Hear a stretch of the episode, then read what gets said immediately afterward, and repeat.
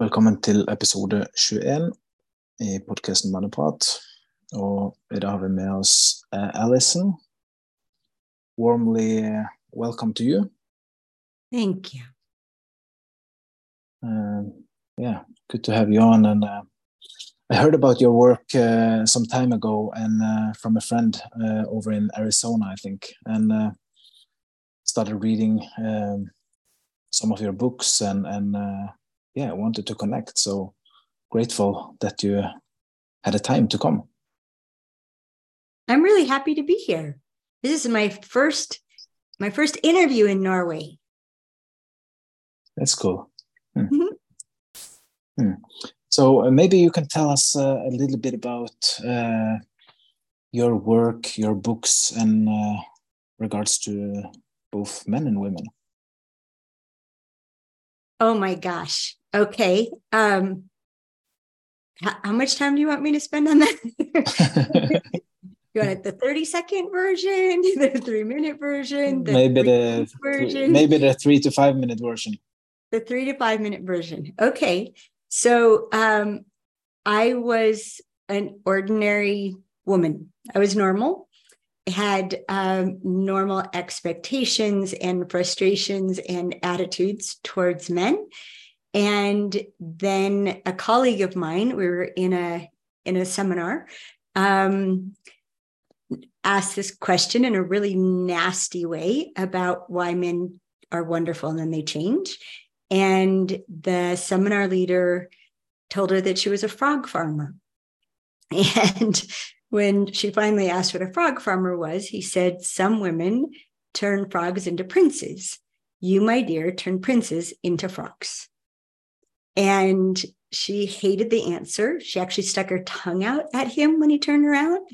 And my life was flashing before me. And I I loved it. I loved the idea that I was doing something that was having men treat me the way that they were because I had been completely powerless to change how men interacted with me up to that point. And what he was saying implied that that I had a part in it and I knew I could change myself. I'd been involved in the work of transformation for since I was 19 and I was 30 at the time. So this was February of 1991. And this question popped into my head What if men are responding to women?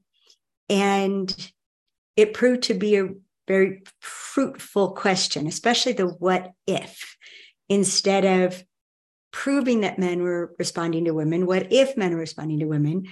So I was, you'd call it coaching nowadays. I had three single men that I coached in addition to the nonprofit that I ran. And I started with them. And when they did something that surprised me, I tried to figure out why they did it. And then I check with them to see if that was why they did what they did.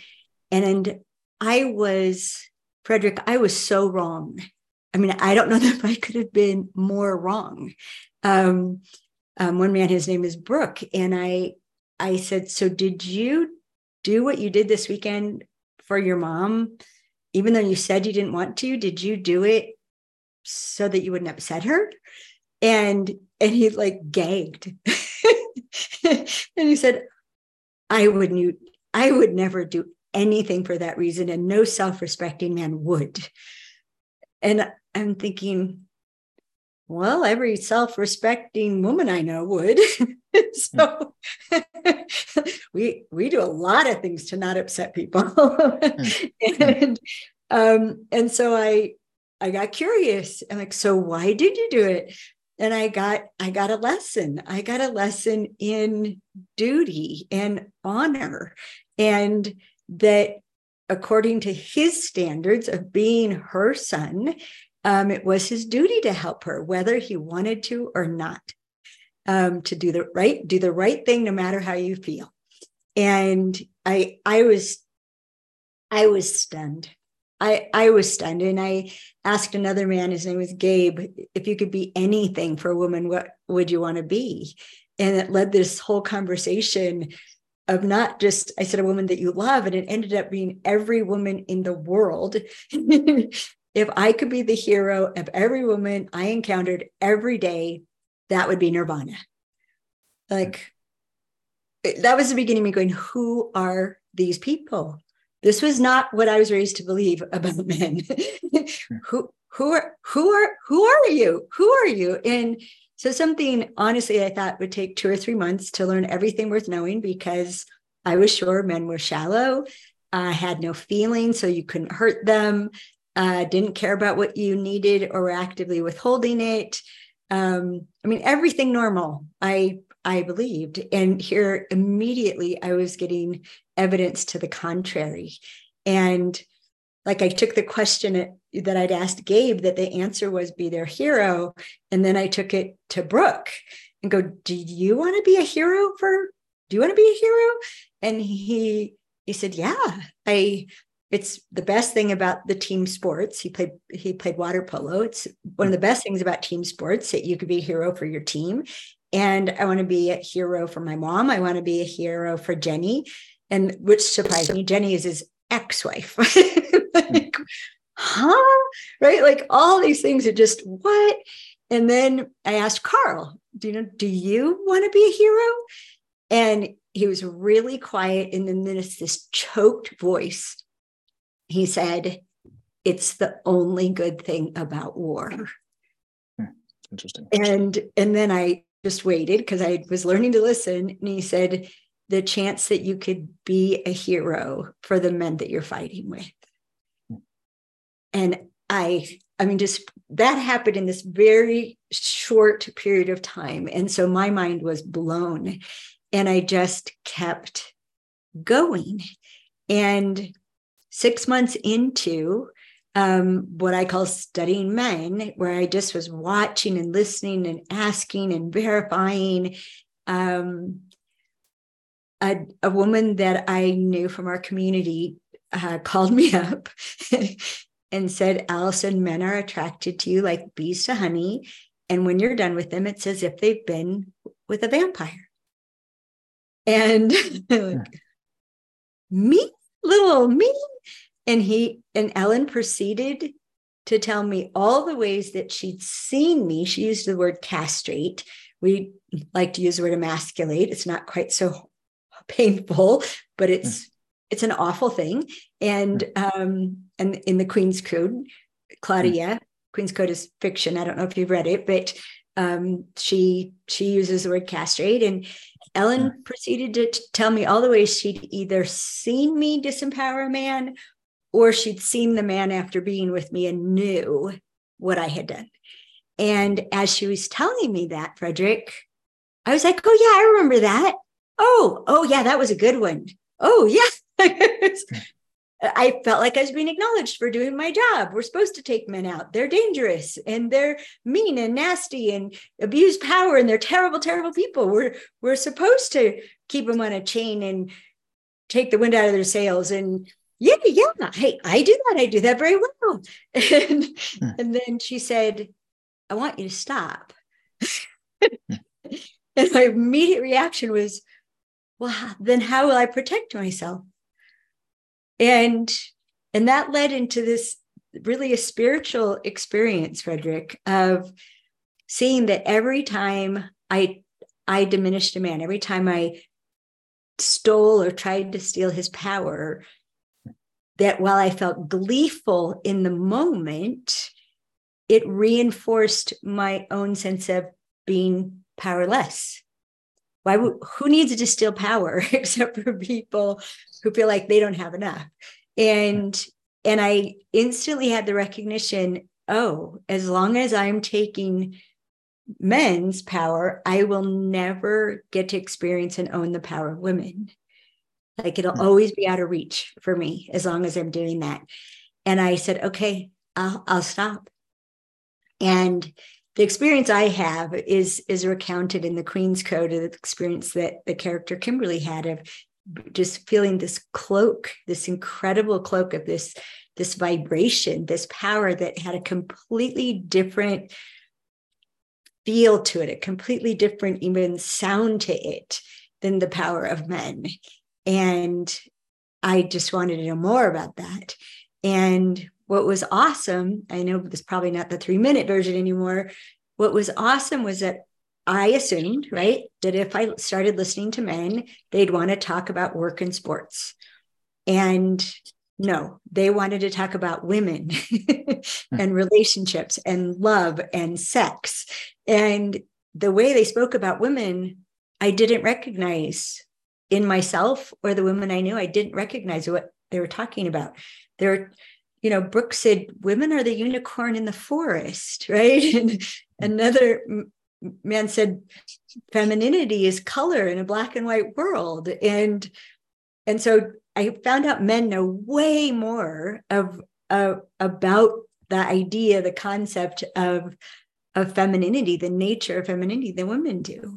And so that was 1991. And I never committed to keep studying men. I've just been fascinated ever since. And owe my life, the quality of my life, to finding out who you all really are. And I'm probably known as the world's biggest fan of, of men. I, I'm even a bigger fan of men than most men are. I mean, men hmm. have said to me when I told them in the early days, our workshop was called Celebrating Men, Satisfying Women. And men would say, So what do you do? And, and I'd tell them what I did. And they go, Celebrating men? Men are pigs. Why would you want to celebrate them? And I just, my heart would just ache like, no, no, no, no, don't buy into it. Don't buy, do not self emasculate. No, hmm. please, no. And, and so in at this point now 30 some years later to have people like will spencer from the renaissance of men i don't know if that's who told you about me he's in arizona um okay, okay. yeah no, it wasn't him it wasn't him it, it was somebody no, else no, well yeah. to to have someone like him who has every man he knows um, read the queen's code or listen to the audiobook which is even better um, to get to contribute back to men um,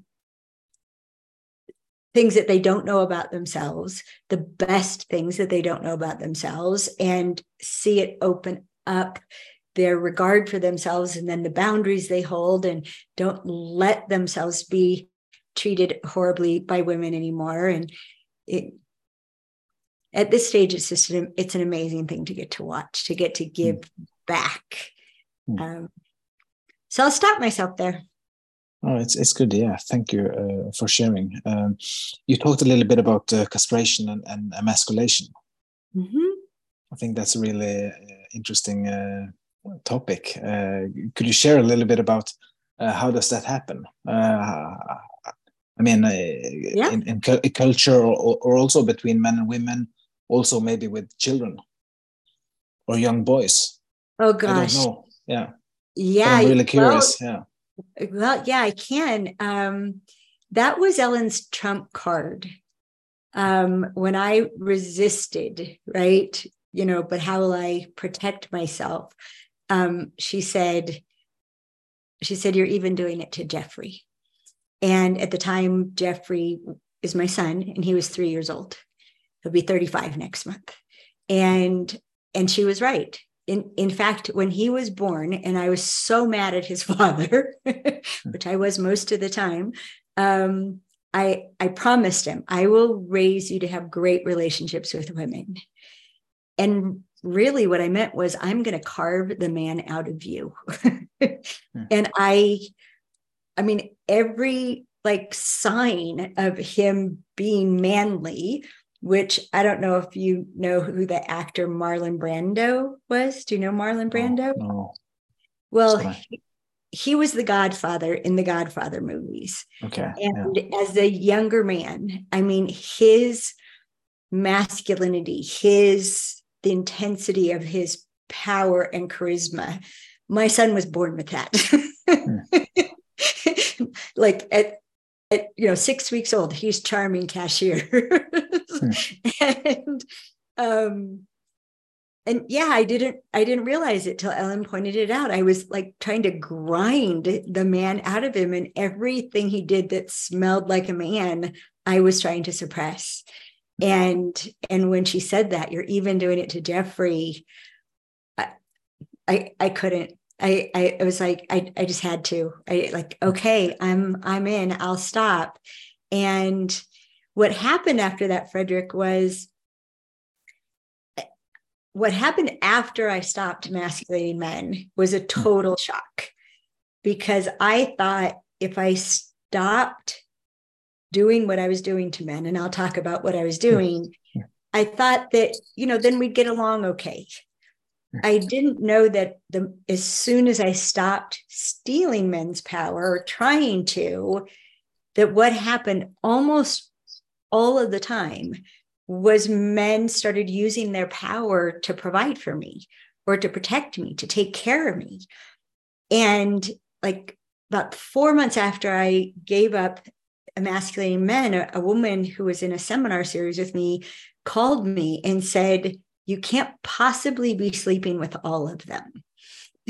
Hmm. because, you know, women think if you have sex with men, then they'll be nice to you. And mm. she saw all these men in the seminar being amazing with me. Like, you can't possibly. She said, So what do you know that I don't?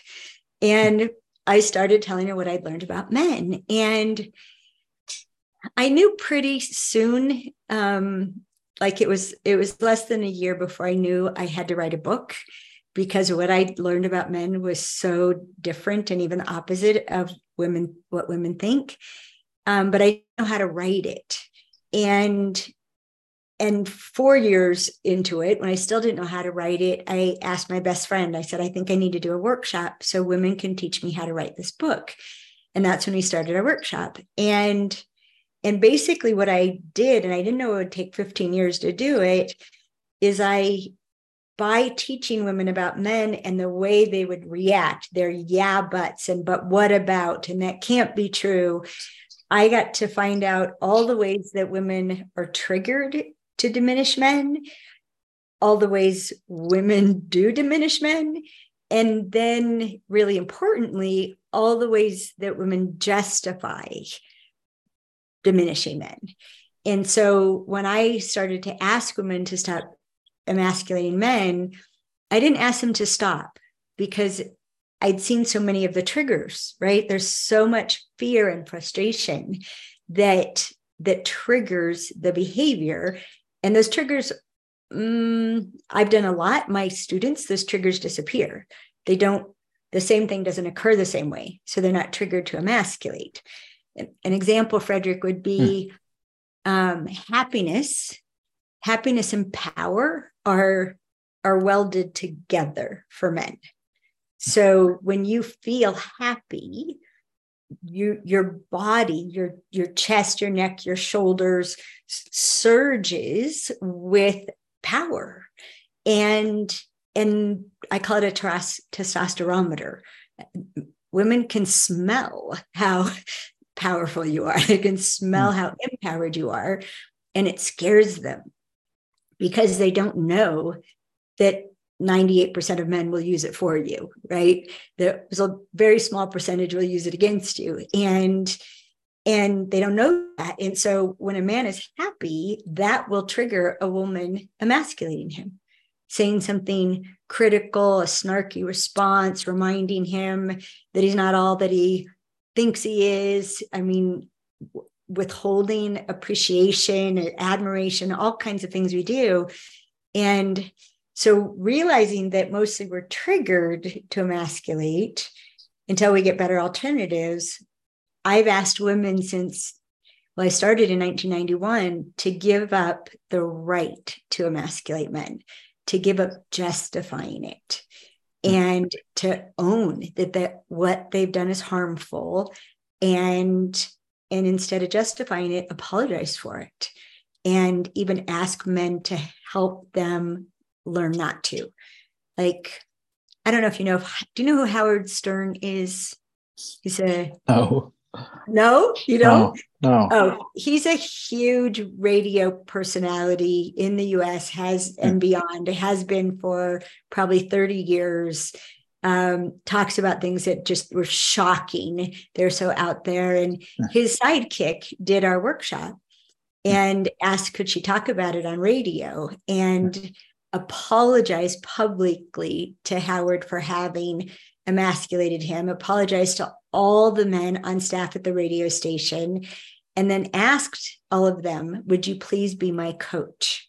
Would hmm. you please tell me when I've done it so I can see it and learn to stop?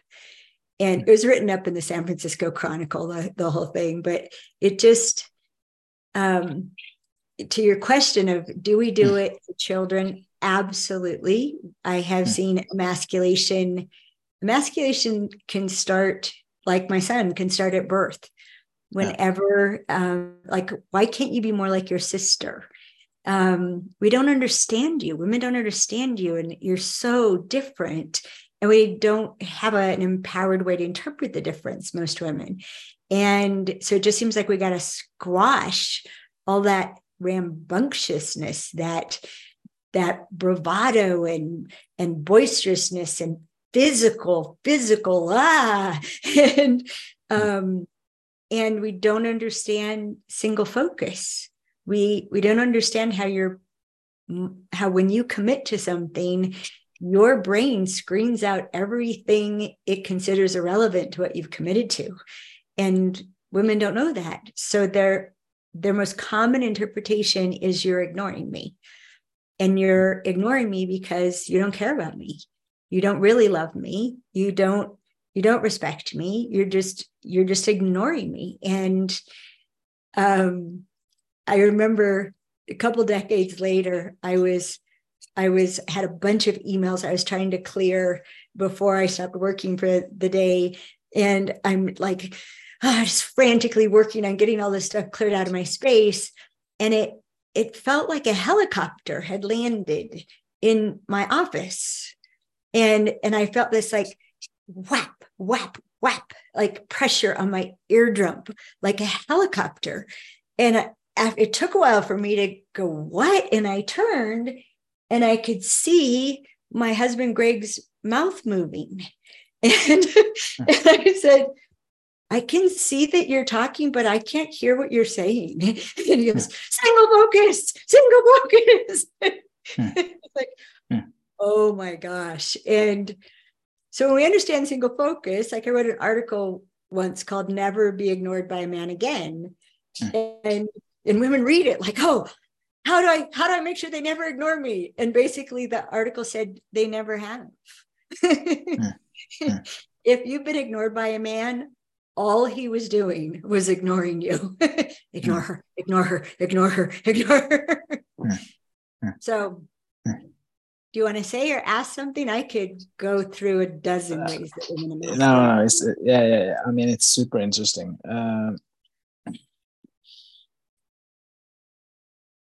what would you say is uh, the biggest things or most important things uh, regards to uh, women understanding men and men understanding women? Mm. okay. I have about 40 hours of video dedicated to that topic? We'll go for the five yeah. 10 minute version again. Yeah let's see if we can do the 10 minute version hmm. well so it starts with not understanding um, the differences between us just be um, men don't know how much stronger they are than women and there's actually a free sample on our website um, right at the bottom of the, the front page uh, of our Understanding Women workshop and me walking an audience of men and women through men's relationship to being safe and when was the last time they had a fear for their physical safety versus women's relationship to being safe and when they la- they last had a fear for their physical safety. And as part of that demonstration i ask the men and, and you can do this in your own life. When you have a, a woman nearby i ask the men to to squeeze their own hand as hard as they can without breaking any bones. Just make it hurt a bit. And then they'll do that and they're looking at me like what's this got to do with anything? And then i've asked them to to give their hand to a woman for her to squeeze it as hard as she can. And they do that. And the look on their face is like, when is she going to start squeezing? like, come on, ladies, give it everything you got. And they are, they're giving it everything they got. And the look on their faces as it dawns on them, that's really all the stronger she is. Hmm. Oh my. and it, a whole bunch of things begin with that. Um, and it and it goes right into safety. We are acutely aware of how little chance we have to protect ourselves from any man. If he you guys can you can you can pick us up, you can throw us, you can drag us. Um, we can't, there's without a lot of training, um, we, we can't do anything about it and and so that's that's a, at the heart of so many behaviors. And then you th- the you consider what testosterone besides building those the bones and the muscles that you have um, and and then as what estrogen does in a woman's brain um, which we have a very different consciousness. Testosterone creates the structure for committed ways of thinking and being and focusing on one result or destination or objective at a time in a really spectacular way where as the weaker smaller and weaker sex our consciousness is built to watch for threats from everywhere all the time we're we are constantly scanning am i safe? Am i safe? Am i safe? That's a question that women are unconsciously and sometimes consciously asking. And so if a man for example seems frustrated she'll have a reaction of a lot of tension that she's not safe. If a man raises his voice um, she'll have a reaction that she's really not safe. And and it took a long time to and asking a lot of men okay so what how does it affect you when a man raises his voice? What do you mean? Well how are you affected by that? It might annoy me but how else are you affected by that? I'm not. Like okay so men raise their voice it doesn't mean anything to other men. And to a woman, raise your voice next to raise your hand. Even with someone like their husband who's never raised their hand in 30 years, she'll still have that reaction to him raising his voice. She'll be afraid that he will then next hit her. Hmm. And it's it's so old, Frederick. It's it's primitive and it's um, we you could say we have the receptor sites in our brains already and then every story that we hear just makes it seem like it's more prevalent than it is more common than it is um, that dangerous men are a common thing mm-hmm. and in the in the queen's code which is um, it's it's fiction as i said there's a there's a part in there where where Kimberly's wrestling with this because she's really afraid of men. And what about dangerous men?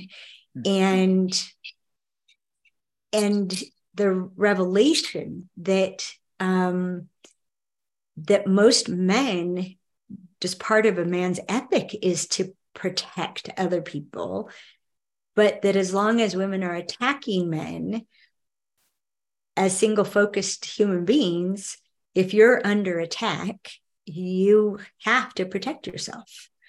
And if you have to protect yourself from women, you and you have to protect yourself from a woman, you can't protect her. it's trumped by protecting yourself. And that when you're not under attack, men, you naturally protect us from you. Like when a man gets angry, the if you have something in your hands with your when you're angry like a, a wrench or a bat or a hammer men you'll throw it away. You'll disarm yourself to prevent yourself from hurting that person. Can you relate to what i'm talking about? Yeah yeah yeah 100% yeah. Hmm. yeah. And women think it's ridiculous. He was so mad he threw a wrench.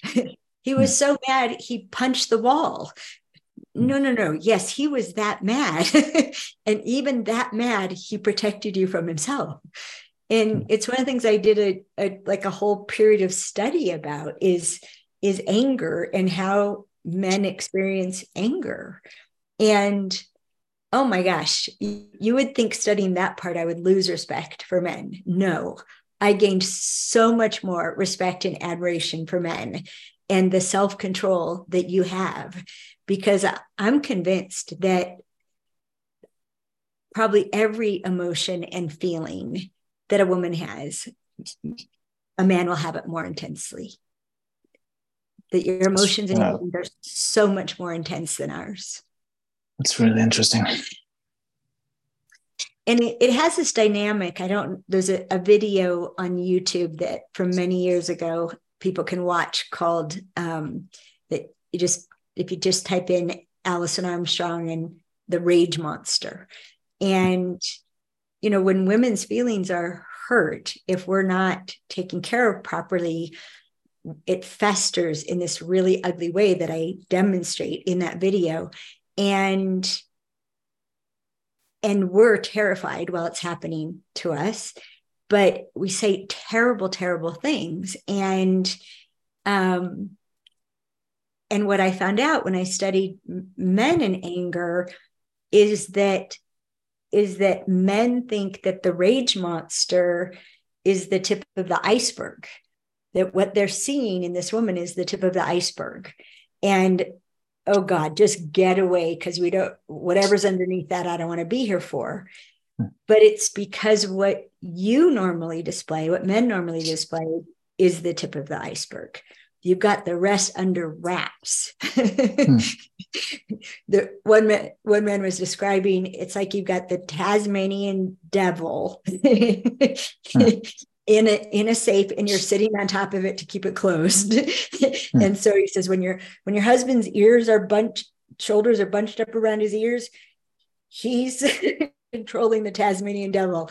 Hmm. And and I got it. Like, oh, men are afraid of the rage monster because you think it's the tip of the iceberg. No, hmm. that's the worst we've got. Hmm. that is hmm. the iceberg. It all just came out of the water. And and then when I started, um, I started taking bioidentical hormone replacement, including testosterone. And I was so depleted when I started that when it hit my system, my my system had this huge reaction. And somebody said something and I got angrier than I'd ever been in my entire life. And it felt like my body was an atomic bomb that if it went off, it would take out the whole block. And that was what started my inquiry with men about okay, what's anger like for you? Because hmm. I, I got a taste of it. Hmm. I find it very interesting what you're saying here yeah so so emotions are are a huge difference between men and women. Um our perceptions are so different. Um there was a study where they gave a bunch of men estrogen. Um and by three days into the study every man had quit the study because they felt like they were going crazy because they were bombarded with so much information from their mm. environment. They're like, how am I ever going to get anything done? And it's like, welcome to being a woman. Mm. So, I mean, I really, I really could. I could talk for weeks about the biggest differences between men and women. But it's strength, it's safety, it's their configuration with our brains, it's our orientation to communication, um, what we conceal versus what we reveal. Mm. Um, like a man will conceal everything he thinks could be used against him. Mm. A woman will conceal anything she thinks makes her unattractive. Hmm. And which isn't everything, because when a woman is worried that other women don't like her and think that she's too perfect or think that she thinks she's too perfect, she will reveal a flaw in order to not be ostracized by the herd, which is another huge difference. Men tend to be predators like wolves, but it but a pack animal, right? And women are more like horses, a herd animal, but prey. And so all our instincts go that way. And um, so women are have this huge concern for being liked, and men are mystified by that. Why would you care? You know, like I care that I'm married to someone who likes me. mm. It's one of the 12 things men look for in a woman to marry. She likes me, mm. which women what, don't know. What are the, the, the other 11? What did you say? No, you said something. Uh, it's one of the 12 things men look uh, in a woman when uh, getting married. Yeah, it's it so this came from um, asking men, do you want to be married? Because hmm. women believe that men don't want to be married, that we have to coerce you into marriage. And um, and so so I I followed that trail and without exception um, there there were men who said no i don't want to be married and most of them had been married and did not want to do it again. Um, had not turned out well. But all the rest were they would say um, either yes or um, i hope so.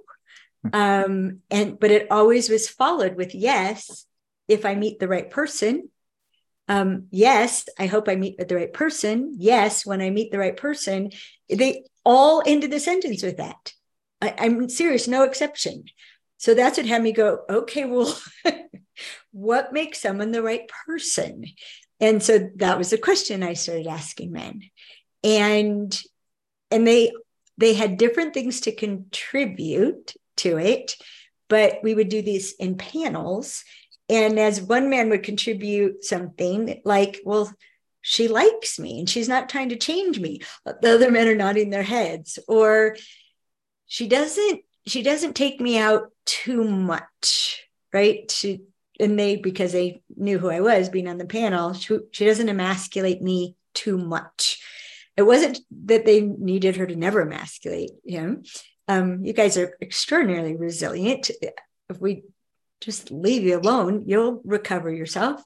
Um, and and so and then another man would contribute well i know i can give her what she needs. And oh well that makes sense. Like why would you marry someone who you can't give them what they need? But so many women complain and ask the biggest question is how do i get what i need from my husband from my boyfriend from men i work with and so i started asking so how do you know what a woman needs and men told me how they figure out what a woman needs. And that was what then clued me into this very basic human instinct of don't ask and don't tell. Because none of the ways that a man figured out what a woman needed was by asking her. Hmm. it, first, it was what he decided all women needed. Then it was um, that whatever she has, they men assume whatever a woman has, she needs. Um, that was a revelation and a revelation of men to find out women have a lot of stuff we don't need, and we certainly don't need you to buy another one. Um, or what they talk about that what we talk about we need. So if she talks about travel, could I afford to pay for that? Could can I afford her car? Can I afford her wardrobe? Can I afford her, you know, her fine dining habit? And if I can't, I can't afford her. I can't give her what she needs. And so many of the things that women talk about, they're talking in order to relieve tension. When, when we're afraid, we have an instinct, I call it shoo the critters. um, when we're out gathering in a meadow, we don't stop talking. We want dangerous animals who, if you surprise them, they might attack you, to know we're coming so they can shoo the snake's shoo the, the badger's shoo the bear's shoo and it's one of the things that aggravates women is it seems like men don't take responsibility for their half of the burden of someone's always got to be talking. And she'll stop she'll stop talking and be like okay take the baton it's your turn you talk now. And he's just being. And they're like okay what else can i talk about? And this is the that women keep doing.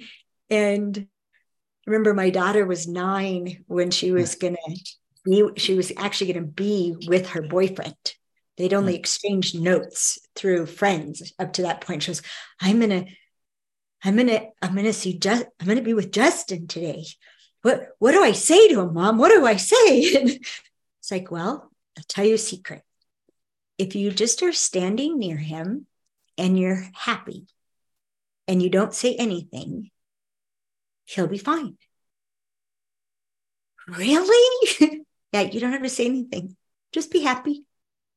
And she looked up at me and said, I can see having you as my mother's going to be really handy. Beautiful. I really could keep going, Frederick. You have to just hmm. stop because. Uh, no, thank you for sharing everything you do, and it's it's super super interesting, super uh, valuable. Um, maybe I can uh, end with uh, one question, and uh, I guess the answer is long to this one uh, too. But uh, uh I read in the book that uh, you describe some kind of uh, different stages in development for men. Is it the same mm. with women, or is it how, how do you? Yeah, we have yeah. ten minutes left, so okay, maybe we can jump straight in. We can, yeah. Mm. Um, yeah, you you've learned I I don't do sound bites um, I just want everybody to understand and to see because men are amazing and women are amazing. and yeah, thank you. Yeah, we're both amazing, and our instincts have us bring out the worst in each other. Mm. Just naturally, we bring out the worst in each other. Um, it's not really anybody's fault. Um, so, in uh, there's two places I talk about the stages of development. One is in Keys to the Kingdom, which is the fiction prequel to the Queen's Code. And the other is in an audio recording called The Amazing Development of Men. And if someone goes to Audible, they'll find The Amazing Development of Men one and The Amazing Develop, well, just called The Amazing Development of One, and then The Amazing Development of One Second Edition. And they go together. Um, so it was one of the first things that I was paying attention to even before I started studying men. I was talking to my best friend about what I was noticing in men and how they weren't all the same. And my best friend's 16 years older than me. And so who the men she was dating were about that much older than me. And so we started talking about what at the time we called boys, guys, and men and that guys, women are comfortable around guys because they seem easy to manipulate, frankly. And um, and that men, oh God, real men, a grown man, a grown ass man, can manipulate him, like like virtually impossible to manipulate him. How do I deal with these people?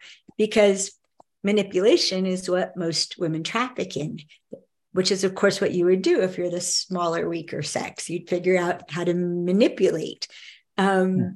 the dangerous humans and um, so as then when i started studying men and realizing that boys guys and men had was degrading in some ways i went looking for a paradigm that would describe what i learned better and in a way that was honoring.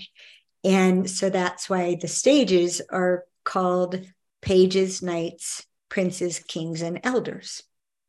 And um, and they're fascinating because you don't decide what stage you're in, it happens to you. And each stage has a particular focus that will use your life.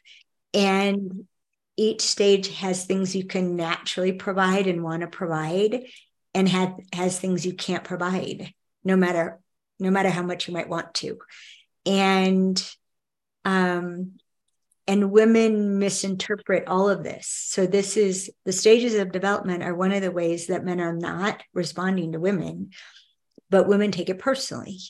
And but it, it isn't. It's all happening over there. And um at first i thought it just happened to men but then as i paid more and more attention and spoke to more and more women about it who started asking could it happen to them? It, i suspected maybe it could especially depending on how involved in a career that a woman was. And and then i had the experience of having a horrible six months of my life i felt so lost and disoriented and couldn't identify the cause and was miserable. And then I heard myself speaking what I would I would call the language of kings. So there's a vocabulary that men, when they are they come out of what we call the tunnel, which in our societies is known as a life crisis. So they they're a prince, they're building their kingdom. Um, they're they're very close to this is built this is built i did it and then they're just hit with this um, period of introspection self-doubt questioning everything and and primarily being deeply ashamed of seeing the ways that they contorted and adapted and betrayed themselves in order to be acceptable in order to be respected by the people whose respect they thought they needed and they're horrified to see what they've done. And then they have to sort that out and they come out of the tunnel when they're when they're now clear this is who i am and i'm i'm willing to pay the price of not adapting of not mm. contorting i'm going to be me no matter what and it'll cost me what it costs me but i can't i'm i won't do this anymore and and that's why there's kings are so unmanipulatable. And and one of the things that kings say, if you ask them, you know, to do something with you or for you, one of the things they say is, I'm not interested in that. And to a woman, that seems soft. I'm not interested in that. Oh, come on, come on, come on. Go, go with me anyway. And they don't budge. and, and I heard myself say that to someone on the telephone. There were there was something that they wanted me to get involved in, and I said, "No, thank you. I'm not interested in that." And I, wait, wait, wait, wait, wait, wait. That's king speak. How did I end up saying that? And then I could see, oh, I've been in the tunnel. This misery I've had for half a year. I was in the tunnel. Oh my gosh and and then i think about 10% of men go about 90% of men spend the rest of their life as kings and and their focus is providing and what they need from other people is to be terrific receivers and and be willing to admire to be willing to offer up the respect and admiration um, that they they think they've earned. And which this is, causes a lot of divorces because given what most women think of men it's very difficult for women to admire men. And so they can't give him that thing that he has to have. And so he goes looking for it. And but about 10% of of men it seems become what i call an elder and it's another transformation mm-hmm. and a friend of mine when it happened to him he described it as being beyond ambition and another man, when I spoke to him about it, he said he knew exactly when it happened. And he could tell me that one of the things that he was stopped, he stopped giving advice because he was no longer willing to be accountable for other people's results. And so instead, he would give them questions to sort themselves out with. And and so it was about it was after my husband died, um, but about two years ago that I noticed that I had changed, and it's been really clear for the last year because I'm mission driven. I'm it, it's not I don't consider it a career. It's a hmm. it's the point of my life, and but I heard myself and saw myself interacting with people. I call it I call it elderness because I don't I don't I don't like objectification of any kind. So yeah. elderness, like I'm feeling my way into elderness, where I really I really am beyond ambition. I don't have any striving that I'm doing anymore. It's all expression. It's all contribution. It's all it's all love. And mm. i i have nothing left to prove. And it's an amazing place to be in life. I recommend it to everyone. Mm. it's very peaceful and joyful and fun. And um but i'm still getting used to it because i i was such a good striver you know? Mm. such a good mm build, build, build, get her done, get her done, get her done, make a difference here, there, and everywhere. And I'm like, hmm, yeah, that might be good to do. Let's think about it a while. Thank you for sharing on that, uh, Alison. And I see we're coming to an hour here, and uh, yeah, just want to say a big thank you to you uh, for taking the time to come and uh, share some stuff. It's mm. su- super interesting. It's been very interesting. I'm so glad. Mm. Um, and you're and you're welcome. And it's, I mean, this is why I'm still doing it. I've hmm. never stopped studying men. And after my husband died, about a year and a half later, I I met a, a man that, that completely intrigued me and made the how much work I knew relationships to take uh, worth it.